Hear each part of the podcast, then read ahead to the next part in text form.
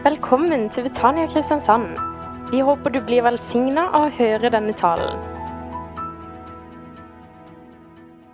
Jeg kan bare nevne, i tillegg til det Torstein sa, når det gjelder ordet Israel, så øh, kan man jo også bli medlem der. Eh, og når man er medlem av ordet Israel, så får man tilsendt bladet som utgis fire ganger i året, eh, og som inneholder stoff omkring Israel, endetiden og eh, det profetiske ord. Eh, så det får du sendt hjem til deg.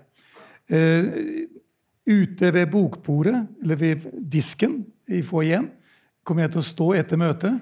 Der kan du også melde deg på, bli medlem, eh, og få den måten knytte det nærmere, nærmere til ordet og Israel.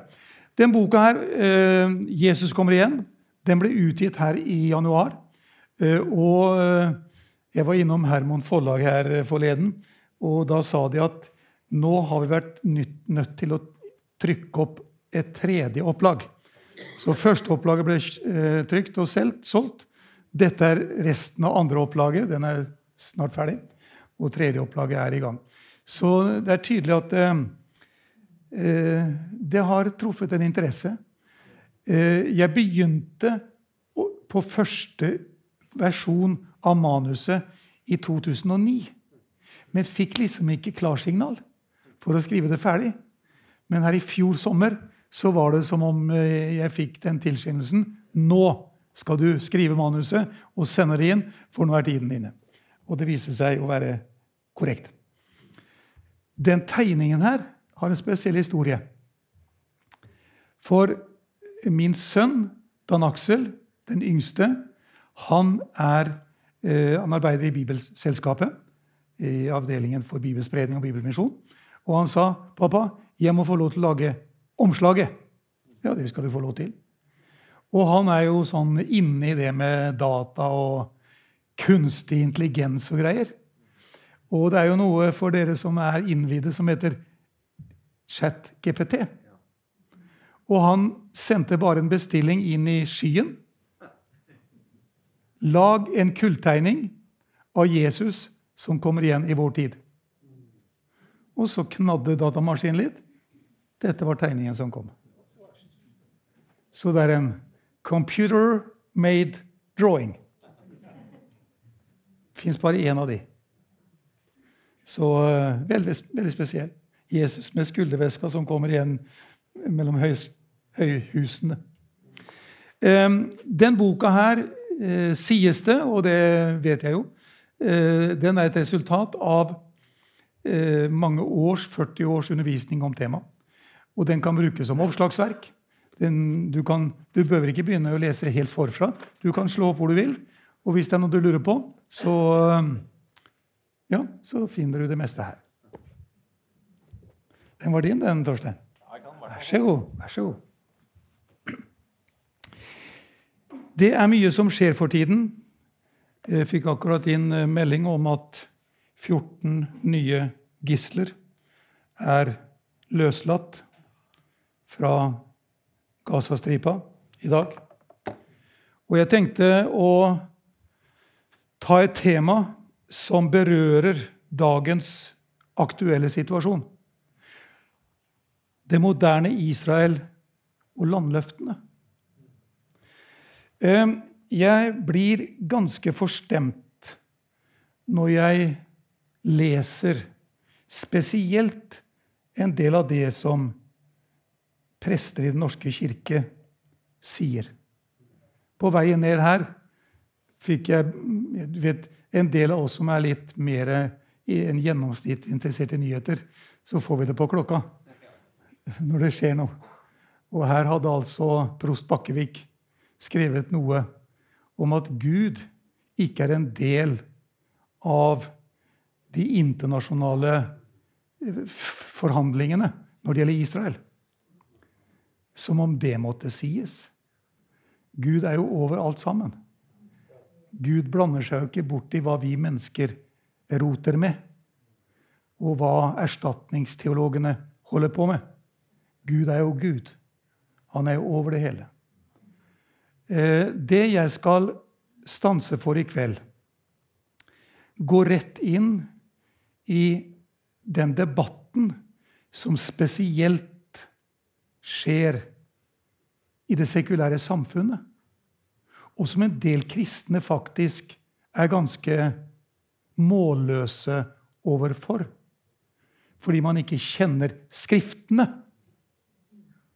Det var jo noen som fikk beskjed om at de for vill fordi de ikke kjente Skriftene. Her i kveld ser jeg, og regner jeg med, at det er en forsamling som elsker Skriftene. Og vi skal ta fram en viktig del av Skriftene. For spørsmålet er, og som jeg ofte har fått Vi vet hva Bibelen sier om framtiden og det som skal bli, og hva Israel skal få. Men har dagens sekulære stat Israel noen plass i det profetiske bildet, i profetiske, de profetiske skriftene? Mitt svar er ja, selvfølgelig. Jeg har et eget kapittel i boka forresten, som heter 'Den moderne staten Israel' i profetiene. Det er ikke den preken jeg skal holde her nå, men det berører jeg det samme. Eh, så boka som jeg har skrevet, eh, har mye som handler om Israel. For det er umulig å snakke om at Jesus kommer igjen, uten også å snakke om Israel. Det hører sammen.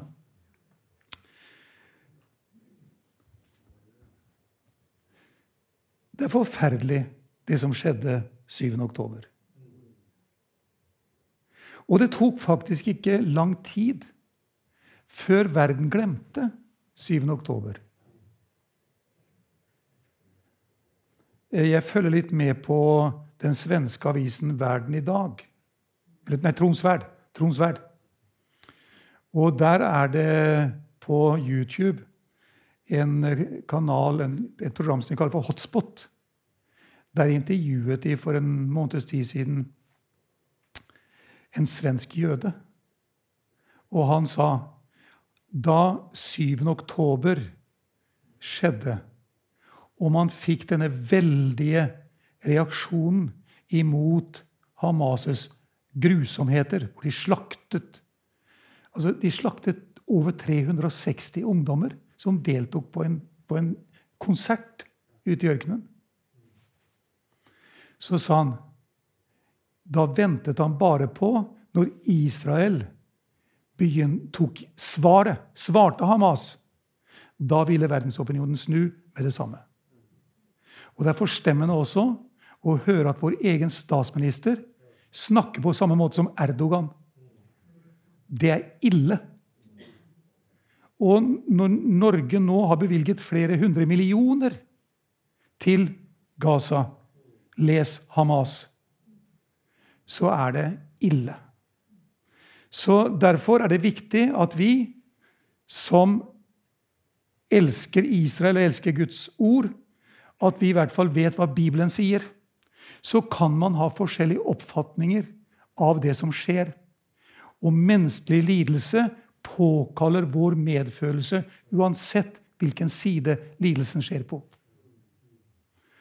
Og man, Det sies, og det det er jo sant, at Hamas har tatt ca. 240 gisler.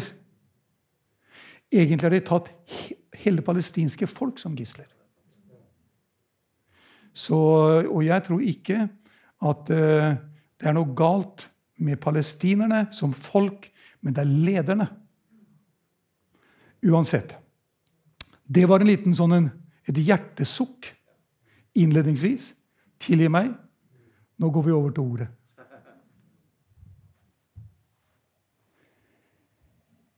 Vi skal gå til første Mosebok, kapittel 15. Og Der leser vi fra vers 18. Ja, det stemmer, det. På den dagen sluttet Herren en pakt med Abraham og sa:" Til din slekt har jeg gitt dette landet. fra elven i Egypt til den store elven, elven Eufrat.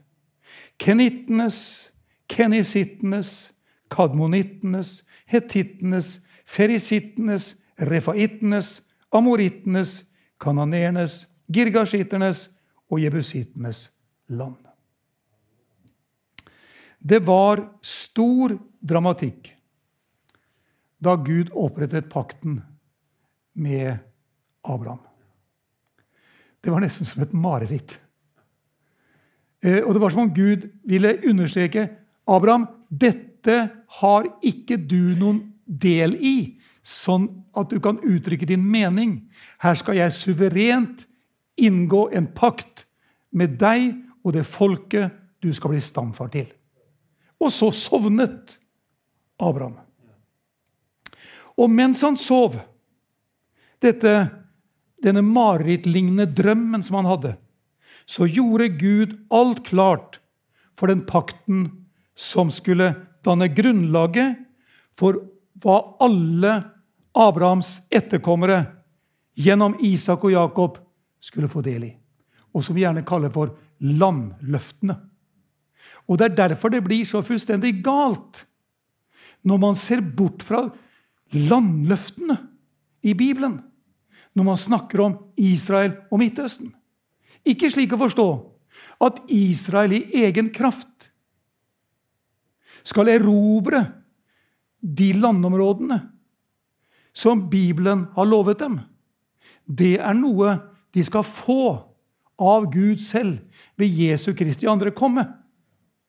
Det israelske forsvaret skal ikke erobre, dra på erobringstokter i nabolandene og legge folk under seg. Det er noe som Gud vil gi dem i sin tid. En del av den pakten som Gud inngikk med Abraham, og som begynte i første Mosebok kapittel 12, innebar at Gud ga Israel gjennom Abraham skjøte til landet. Og grensene beskrives fra Egyptens elv til den store elven Eufrat. Elven i Egypt Det står egentlig på hebraisk 'vadi', som betyr elveleie. Så det er altså en bekk, nærmest. En liten elv. Og de fleste eh, er av den oppfatningen at det er snakk om Wadi el-Arish, som markerer Negevs grense mot sørvest.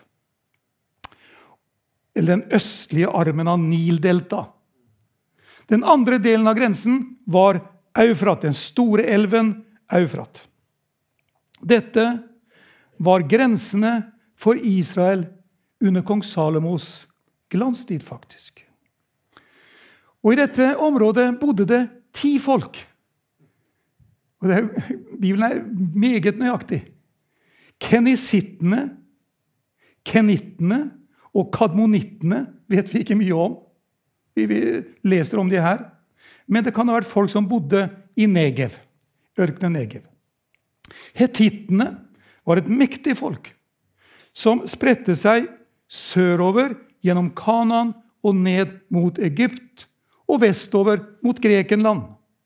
Deres hovedstad er kjent fra historien. Det var Karkemish og den lå ved elven Eufrat. Ferisittene og perisittene bodde i områder sør og sørvest for Karmelfjellet. Refaittene, det var kjempene. Annaks barn av kjempeætten. Og det var en folkegruppe som var bosatt i Kanan. Amorittene var et semittisk folk som var bosatt i Mesopotamia og Syria og Kanan. Kananeerne bodde i Kanan, som navnet tilsier, og i Libanon på begge sider av Jordanelven. Og girgashittene var semitter som bodde i Kanan. Og jebusittene var et kanonesk folk som, bosatte seg i og omkring Jerusalem, og som bl.a. David kjempet en hel del med. Abraham-pakten. Når Gud inngår pakter med Israel, så har han pakter som er tidbundet. Den gamle pakt, Sinai-pakten. Og så har han pakter som ikke er tidsbegrenset. Evige pakter. Han har pakter som er en overenskomst mellom to parter. Den gamle pakt. Og så har han pakter som han selv dikterer. Abraham-pakten er en slik evig pakt. En pakt som Gud selv inngår og bestemmer betingelsene for.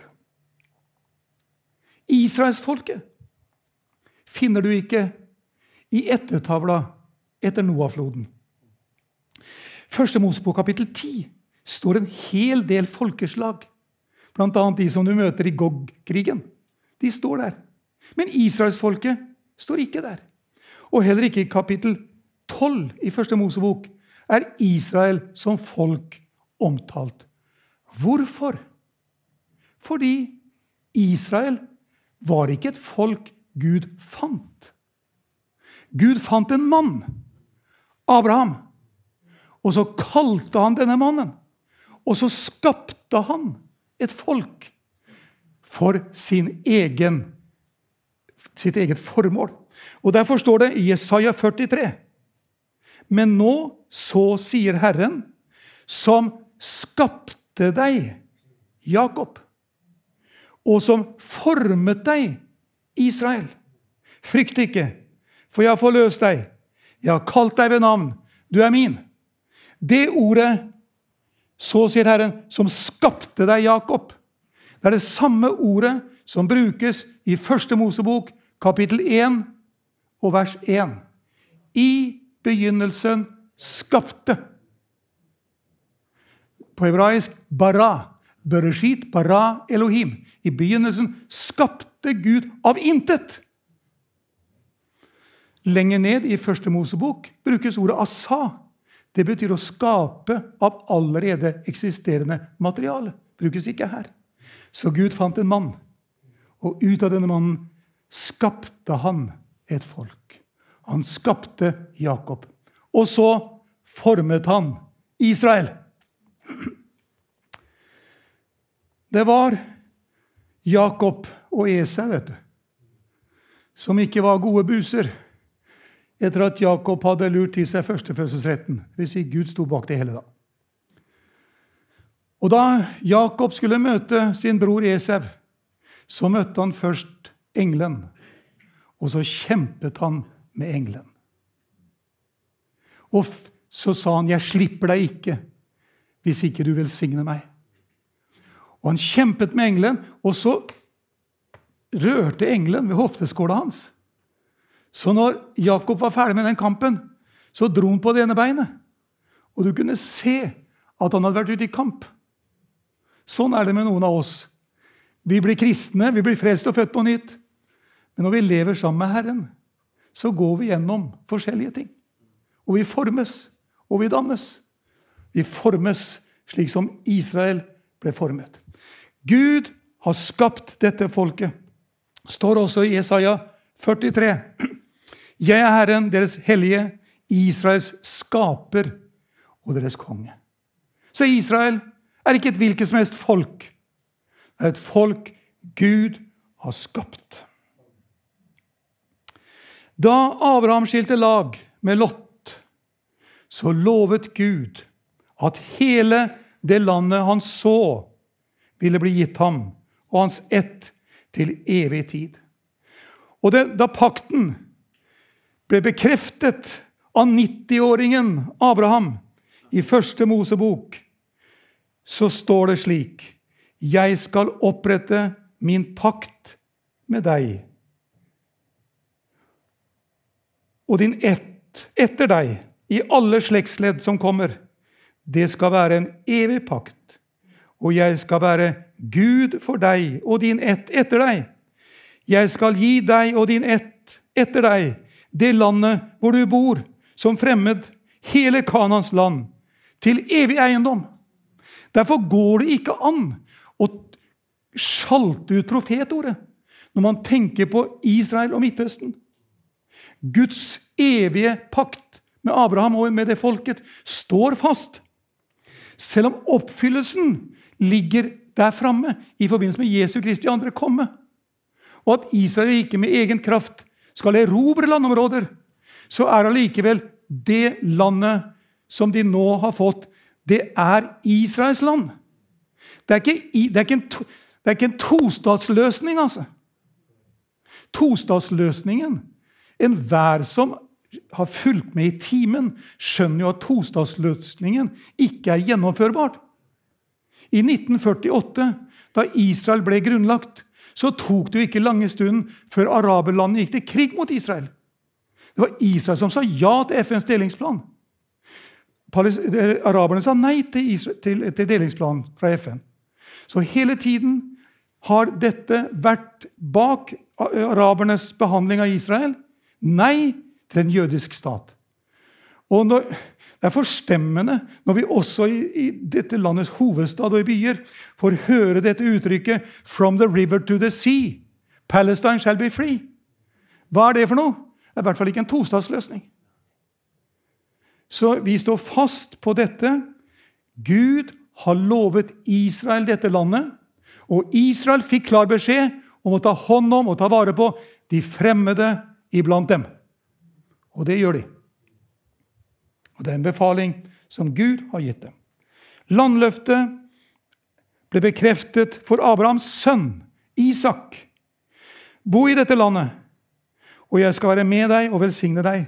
Til deg og dine etterkommere gir jeg alle disse landområdene, og jeg skal gjøre etter den eden jeg sverget for din far Abraham. Og Jakob fikk høre, etter at han hadde fått navnet Israel, landet jeg gav til Abraham og Isak, det gir jeg til deg, og til dine etterkommere gir jeg dette landet. Derfor står det faktisk urokkelig fast. Gud har gitt landet Israel til tolvstammefolket Israel som en arv til evig tid. Og Israel som folk har en historisk tilknytning til landet Israel. Helt fra patriarktiden og erobringen under Josva 1250 før Kristus. Det står fast. Uansett hva FN sier, hva norske biskoper sier, hva norske statsministre sier og utenriksministre, eller hva det skal være. Så I år 66 til 73 før Kristus, eller etter Kristus skjedde det første opprøret mot Roma. Det var dramatisk.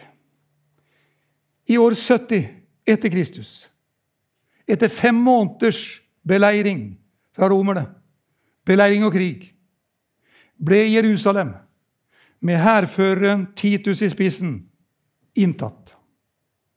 Tempelet ble lagt i ruiner. Og en grusom nedslakting av mennesker fant sted.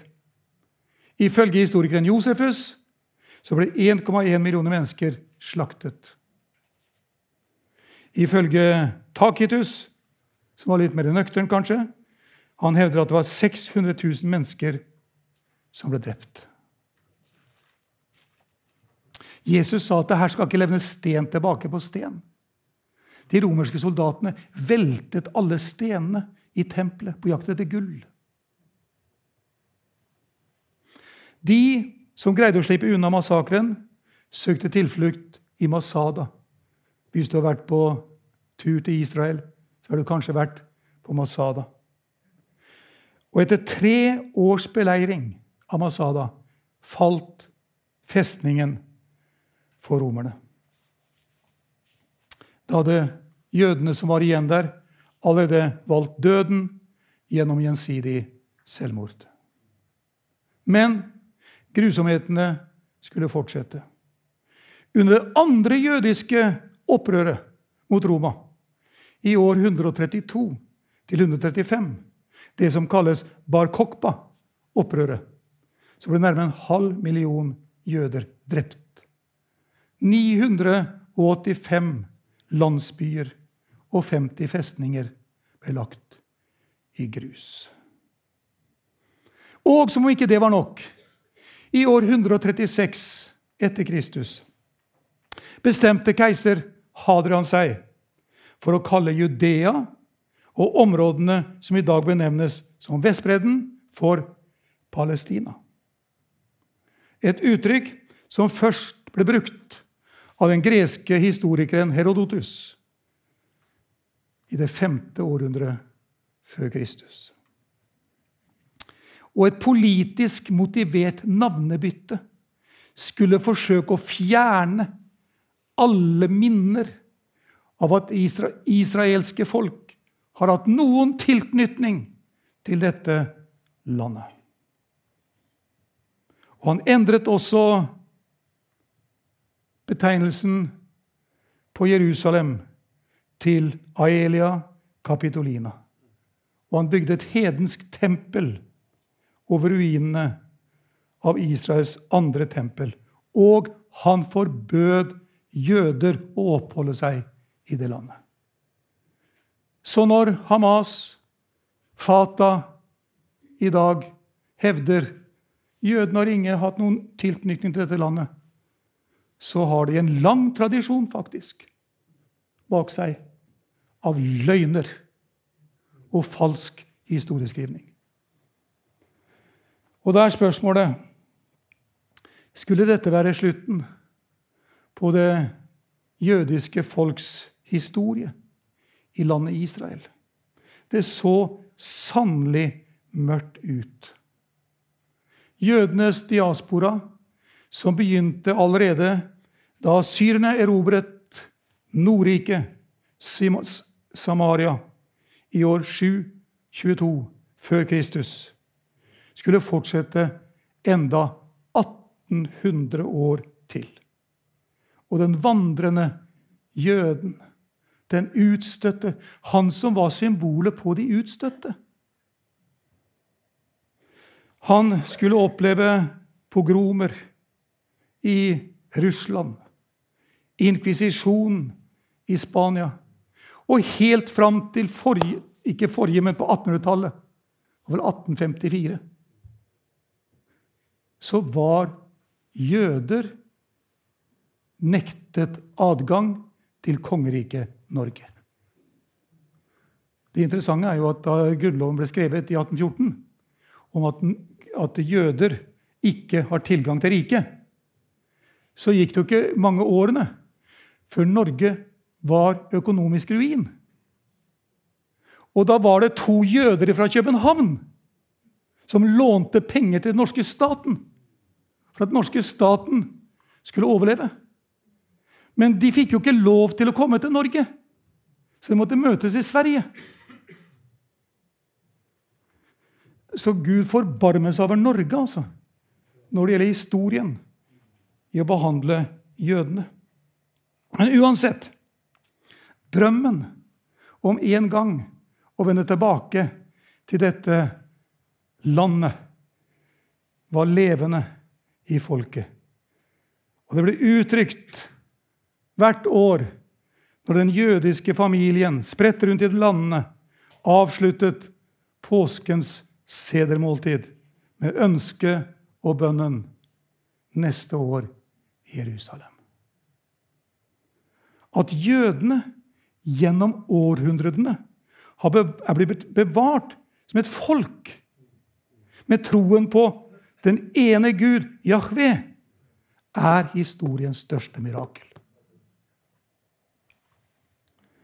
Under første verdenskrig hadde ottomanerne, som var muslimer av tyrkisk herkomst, kontrollen over det som i dag heter Palestina. Men det nærmer seg nå slutten. Min gode venn Hatlem skal hit denne uken og undervise om det folkerettslige grunnlaget for Israels tilknytning til dette landet.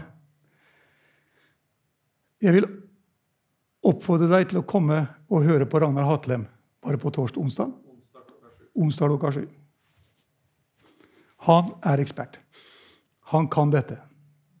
Men i alle fall så var det jo en historie hvor uh, Balfour-deklarasjonen ble vedtatt, og hvor uh, San Remo-konferansen ble holdt.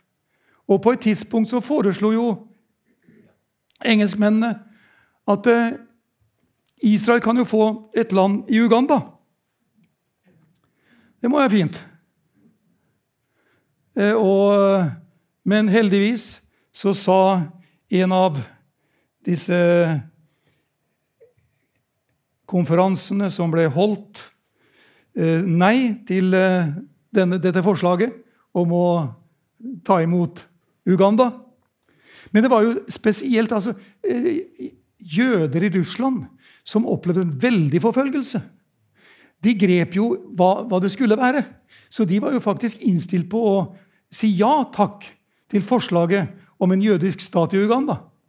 Men heldigvis så sa de andre som var samlet eh, til denne konferansen, en fredskonferansen, de sa nei til Palestina-alternativet. Og den 29.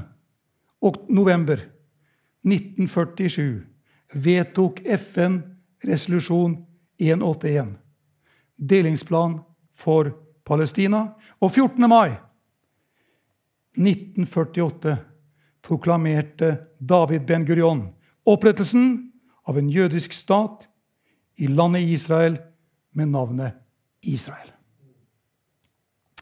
Den første som gratulerte de, var den amerikanske presidenten. Bare noen få minutter etter at eh, staten Israel var opprettet, så tikket inn et telegram fra USA hvor de gratulerte dem med det nye det gjenopprettede landet. Og Derfor er vennskapet mellom USA, USA og Israel sterkt i folkedypet. Selv om presidentene har hatt litt vekslende begeistring for Israel. Jeg vil stille et spørsmål. Hvorfor må landet gjenopprettes bokstavelig? for Israel. Hva er det som er så viktig for jødefolket når det gjelder landet Israel? Jeg skal nevne noen begrunnelser. For det første det er nødvendig for at grensene som beskrives i Abrahampakten, skal bli en virkelighet. Altså landpakten for at den skal bli oppfylt, så må Israel få igjen sitt land. Det står i 1. Mosebok 15.: Til din slekt har jeg gitt dette landet.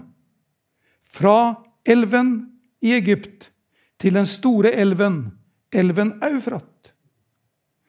Selv om noen hevder at landløftene ble eh, eh, oppfylt under Josva, hvis du leser grensene under Josva, så ser du at det er andre grenser enn de som nevnes her i første Mosebok kapittel 15. Aldri i historien har Israel noen gang vært bosatt i hele løfteslandet. Så for at løftene om den evige pakten skal oppfylles, så må Israel få igjen sitt land. Det var jo noen som uh, sa til uh, en jøde i Amerika hvorfor, hvorfor godtok ikke dere jøder forslaget om en stat i Uganda? Og da responderte jøden slik som jøder vanligvis responderer, med å stille et spørsmål tilbake. Så han sa, 'Hvorfor tror du at jeg besøker min bestemor på østkysten av Amerika når jeg selv bor på vestkysten. Og det er mange gamle damer her på området her.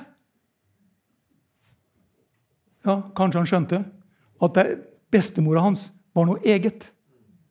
Som ikke kunne erstattes av hvilke som helst gamle damer. Det første grunnen er altså for at grensene i landpakten skal bli en virkelighet. For det andre det står noe om at Israel skal bo fredelig i landet. Bibelen tegner et bilde av et folk som gjorde opprør mot Gud. Og fordi folket gjorde opprør mot Gud, så lot Gud dette folket, Israel, plages av fiender som angrep dem. Utfordringen var altså folkets synd. En dag tar Gud bort folkets synd. Og da skal de bo fredelig i landet. Og så er det én ting til. Vi snakker om palestinerne og Israel som om det bare var to parter i denne striden. Det er tre parter i denne striden. Gud er også med. Det står noe spesielt i Esekiel kapittel 36.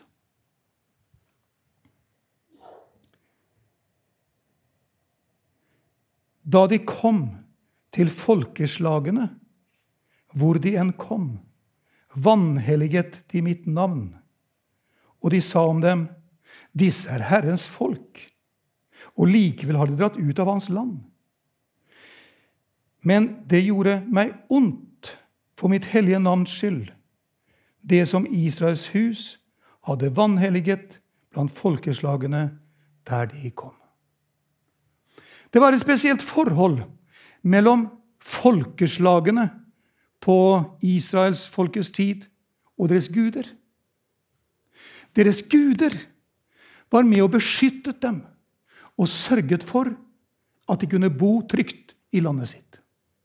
Slik var det med alle folkeslagenes guder rundt omkring Israel. Og her har du Israel og Israels gud. Mesteparten av den tiden Israel har eksistert, har de bodd utenfor landet sitt. Så det er som om Israels gud ikke greide å beskytte folket sitt. Og derfor sier hedningene Gud, han kan umulig finnes. Du har antisemitten som sier Nei, det er folket. Gud har forkastet folket. Gud er ikke interessert i dem. Du har erstatningsteologen som sier nei, Gud har ingen planer lenger for dette folket. Nå er det Kirken som har overtatt alle løftene som Gud har gitt til Israel. Og du har ateisten som sier det kan umulig finnes noen Gud. Han greier jo ikke å ta vare på folket sitt engang. Så det at Israel ble ført i diaspora rundt omkring i folkeslagene, det har satt folket i miskreditt. Og det har satt Gud i miskreditt. Det er det som står her. Disse er Herrens folk, og likevel har de dratt ut av hans land. Gud har forkastet dem. Og, men de gjorde meg ondt for mitt hellige navns skyld. Det som Israels hus hadde vanhelliget blant folkeslagene der de kom. Så når, Gud, når Israel skal få igjen sitt land, så er det ikke bare Israels rykte som står på spill, men også Guds rykte. Hva er det for slags Gud som ikke greier å ta vare på sitt eget folk engang? Og det står ifra vers 22.: Det er ikke for deres skyld jeg gjør dette, Israels hus. Altså lar dere få landet tilbake. Men for mitt hellige navns skyld. Det som dere har vanhelliget blant folkeslagene, der dere kom. Jeg skal hellige mitt store navn, det som er blitt vanhelliget blant folkeslagene, det som dere har vanhelliget blant dem.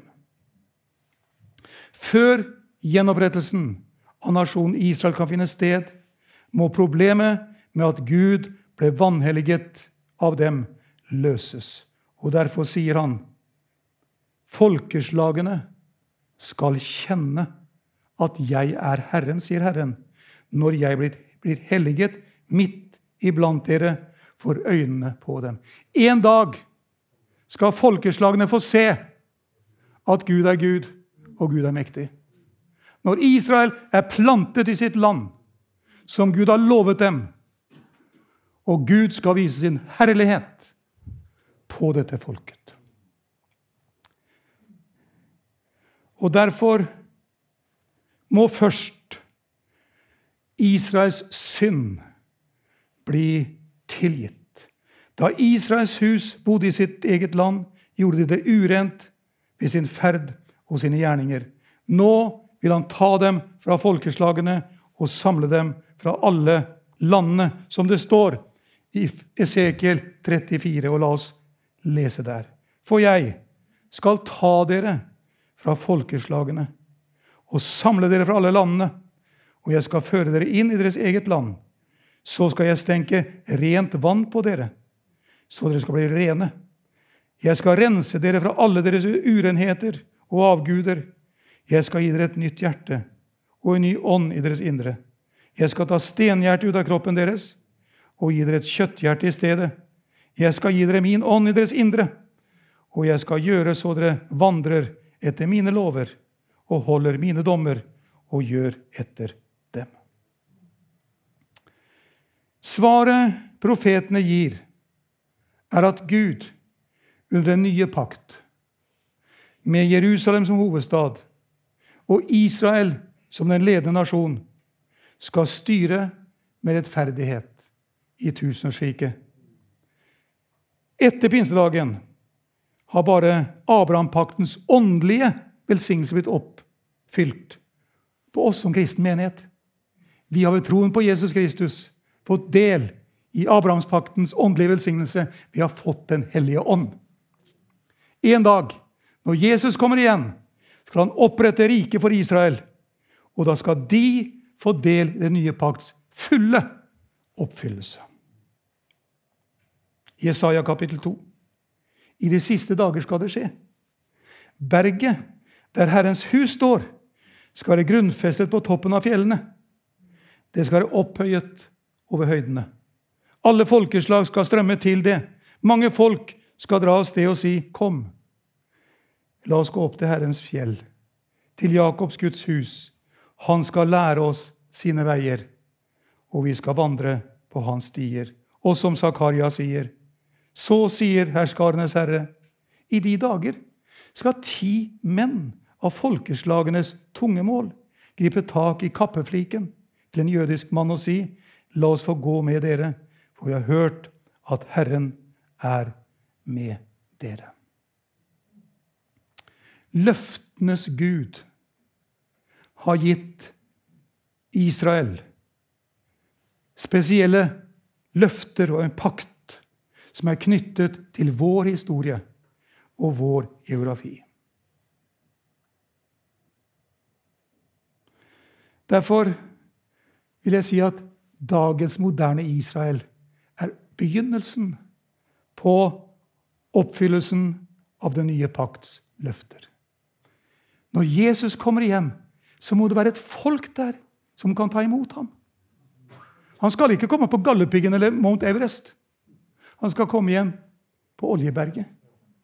Og da skal det stå et folk der og ta imot ham. Og de skal se opp til han som de har gjennomstunget, og gråte sårt. Det skal bli en sorgens dag, en dag av omvendelse i Israel. Og så vil han ta med dette folket inn i det nye fredsriket. Oppretter du på den tid riket for Israel? spurte disiplene. Jesus sa ikke at nei, det, det, det, gjelder ikke lenger.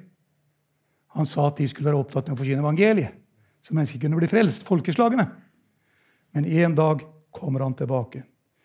Og da avslutter jeg der hvor du startet i dag, Torstein. I Rombrevet, kapittel 11.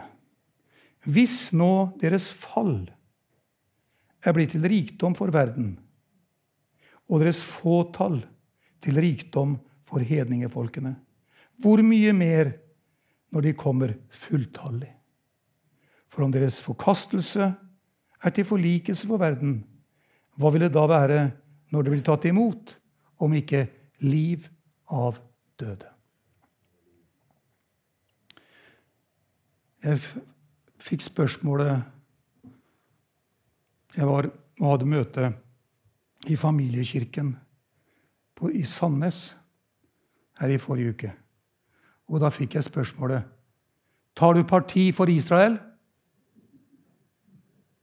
Mitt svar var ja. Jeg tar parti for Israel. Jeg tar ikke parti for Hamas. Selvfølgelig, man kan ikke ta, ta parti for en terroristorganisasjon. Men i og med at jeg tar parti for Israel, så inkluderer jeg alle som bor der nede. For de vil bli velsignet. Når Israel blir velsignet, så blir palestinerne velsignet. Da blir hele verden velsignet. Det blir liv av døde. Derfor ber vi om fred for Israel.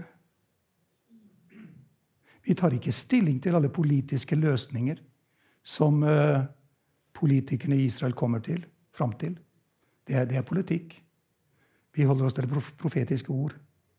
Og det profetiske ord sier dette folket er velsignet av Herren. De har fått dette landet til evig arv, og Gud står bak sine løfter. Amen. Herre, takk for uh, at vi fikk dele ordet ditt med hverandre. Du som uh, er Israels Gud, du som er Israels gjenløser, og du som er vår Gud og vår gjenløser. Takk at frelsen på Golgata kors gjelder alle. Alle mennesker. Og takk, Herre, for at du har et folk på denne jorden som på en spesiell måte er ditt eiendomsfolk, Israel. Så har du en menighet som også er ditt eiendomsfolk.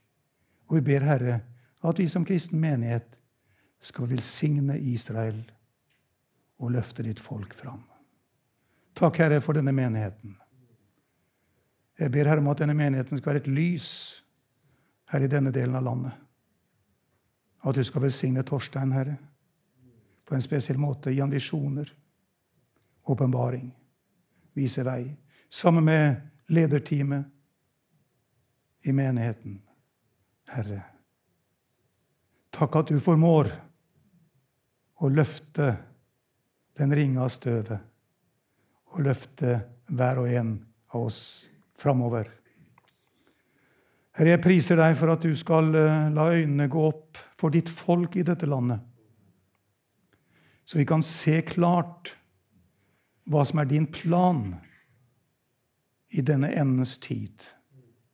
Hjelp oss til å være orientert, Herre, og til å holde oss til ditt ord i alle ting. I Jesu navn. Amen. Du har nå hørt en tale fra Betania Kristiansand. For mer informasjon kan du besøke våre hjemmesider på betaniakrs.no.